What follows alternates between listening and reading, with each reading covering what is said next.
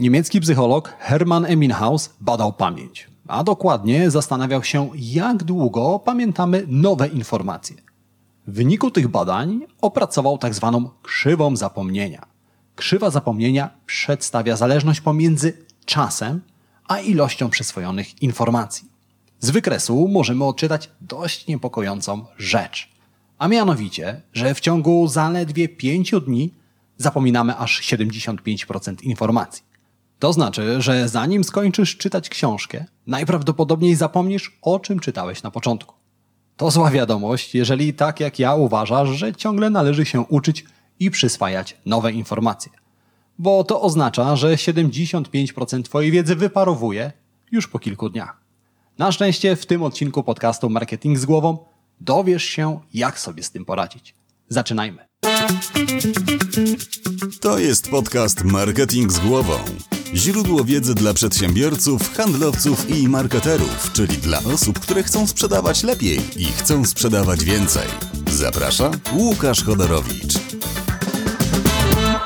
Zanim zaczniemy, pamiętaj, że więcej informacji o tym, jak zrozumieć klienta, jak robić lepszy marketing i jak więcej sprzedawać, znajdziesz w moich newsletterach. Tak, są dwa. Jeden darmowy, drugi płatny. Linki do obu znajdziesz w opisie tego odcinka podcastu. Zerknij, poczytaj i dołącz do tysięcy przedsiębiorców, marketerów i handlowców, którzy co tydzień dostają zastrzyk wiedzy, dzięki której ich firmy rosną jak na drożdżach. Cześć, to już 24 odcinek podcastu Marketing z głową. W tym podcaście zaglądamy do głów Twoich klientów i szukamy odpowiedzi na pytanie, jak klienci podejmują decyzje. Szczególnie interesują nas te decyzje dotyczące zakupów. Po co to robimy? Bo chcę, abyś jeszcze lepiej robił marketing i żebyś lepiej sprzedawał swoje produkty i usługi. Wiedzę, którą dzielę się z Tobą, czerpię z badań na temat ekonomii behawioralnej, neuropsychologii oraz dziesięcioletniego doświadczenia w pracy z firmami takimi jak Twoja. Podcast Marketing z głową nagrywam dla przedsiębiorców, handlowców i dla marketerów, ale uwaga, nie tylko. Każdy, kto podejmuje jakiekolwiek decyzje, znajdzie tu coś dla siebie. Badania sugerują, że codziennie podejmujemy blisko 35 tysięcy decyzji. Jest więc całkiem spore prawdopodobieństwo, że znajdziesz tu coś dla siebie, nawet jeśli z marketingiem masz niewiele wspólnego. A żywym dowodem na to jest Iza. Iza, która kilka dni temu wysłała mi maila. Iza, jeżeli słuchasz, to gorąco Cię pozdrawiam. Iza zaczyna swoją wiadomość od kilku miłych słów na temat podcastu oraz newslettera Marketing z głową. Pisze między innymi, że z wypiekami na twarzy czeka na kolejne odcinki i na kolejnego maila, który w każdym tygodniu wpada do Waszych skrzynek mailowych. Ale zaraz potem dodaję.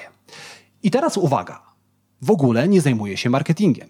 Ba, za miesiąc będę się zajmowała czymś jeszcze odleglejszym, ale i tak planuję się zapisać do newslettera ponownie, tym razem z prywatnego konta.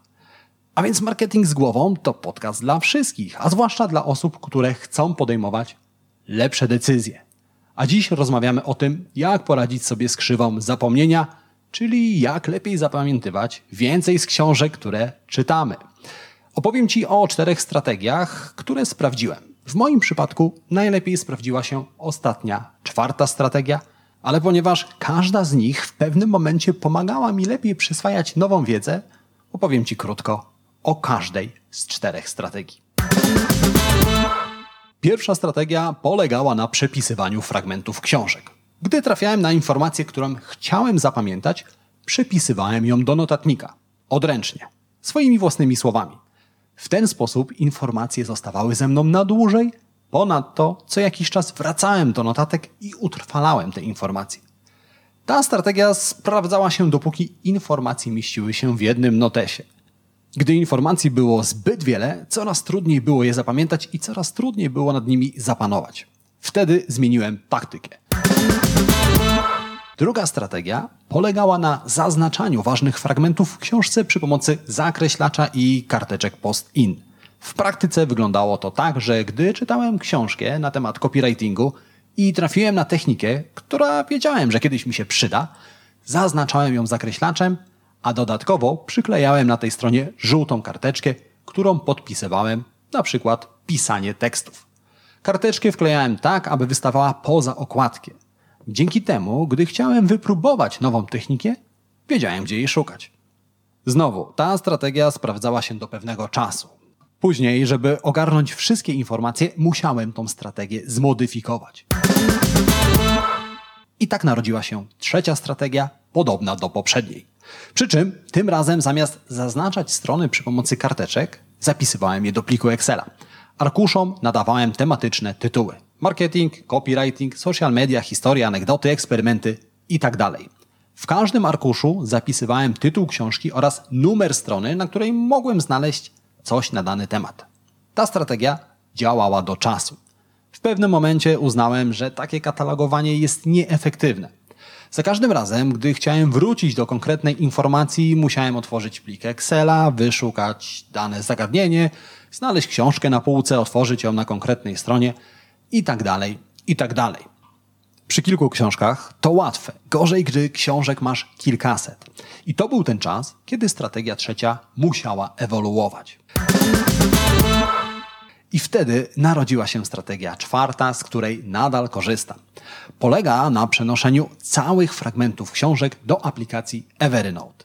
Evernote to wirtualny notes. Możesz w nim przechowywać dosłownie wszystko. Od zdjęć poprzez notatki głosowe na linkach do stron internetowych kończąc. Informacje grupujesz w kategorie. Dodatkowo informacje tagujesz. I tak przeniosłem do Evernote arkusze z pliku Excela, z którego korzystałem wcześniej. A więc mam foldery z historiami, anegdotami, eksperymentami, cytatami, strategiami, narzędziami itd. itd. Ponadto każdą porcję informacji taguję. Na przykład mam cytaty, które są inspirujące, motywujące albo śmieszne. Najlepsze jednak jest to, że aby przenieść fragment książki do Evernote, wystarczy, że zrobię jej zdjęcie. I teraz uwaga, Evernote jak każdy szanujący się notatnik, ma wyszukiwarkę.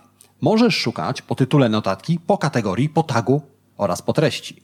Nawet jeśli zrobiłeś zdjęcie tekstu, Evernote zamieni zdjęcie na tekst i znajdzie to, czego szukasz. To moim zdaniem najlepsza opcja w tej aplikacji, bo nawet jeśli Evernote nie może znaleźć informacji po tytule czy po tagu, znajdzie ją po treści. Evernote możesz ściągnąć na komputer oraz na smartfona. Większość opcji jest darmowa, jednak jeżeli chcesz skorzystać z jej pełnej mocy, musisz wykupić wersję premium, która w momencie nagrywania tego odcinka podcastu kosztuje zaledwie 11 zł miesięcznie. Moim zdaniem warto. A jeżeli Evernote z jakiegoś powodu nie będzie Ci odpowiadać, możesz skorzystać z podobnej aplikacji Google Keep. Sam nie korzystam, ale podobno działa bardzo podobnie. Ok, mamy więc trzy całkiem przyzwoite strategie i jedną kapitalną, które pomogą Ci lepiej zapamiętywać nie tylko książki, które czytasz, ale wszystkie informacje, które uważasz, że warto zapamiętać. Na Twoim miejscu sprawdziłbym każdą z nich i wybrał tą, która odpowiada Ci najbardziej. Do dzieła. Ale zanim zaczniesz, tradycyjnie trzy rzeczy, które warto zapamiętać. Po pierwsze, pamiętaj o krzywej zapomnienia i o tym, że 75% informacji zapominasz już po pięciu dniach. Po drugie, pamiętaj, że aby lepiej zarządzać nowymi informacjami, potrzebujesz skutecznej strategii. Po trzecie, pamiętaj, aby stale się uczyć i przyswajać nowe informacje, chociażby z podcastu Marketing z głową. Na dzisiaj to wszystko. Jak zawsze, jeżeli dowiedziałeś lub dowiedziałaś się czegoś nowego, zasubskrybuj podcast Marketing z głową. Dla Ciebie to jedno kliknięcie, a dzięki temu podcast dotrze do innych osób, którym na pewno się przyda. A jeśli sam znasz kogoś takiego, udostępnij tej osobie podcast Marketing z głową. Dzielmy się wiedzą. My słyszymy się za kilka dni w kolejnym odcinku, a tymczasem życzę Ci udanego dnia, udanego tygodnia, wszystkiego dobrego, do usłyszenia, a jeżeli oglądasz, do zobaczenia. Cześć.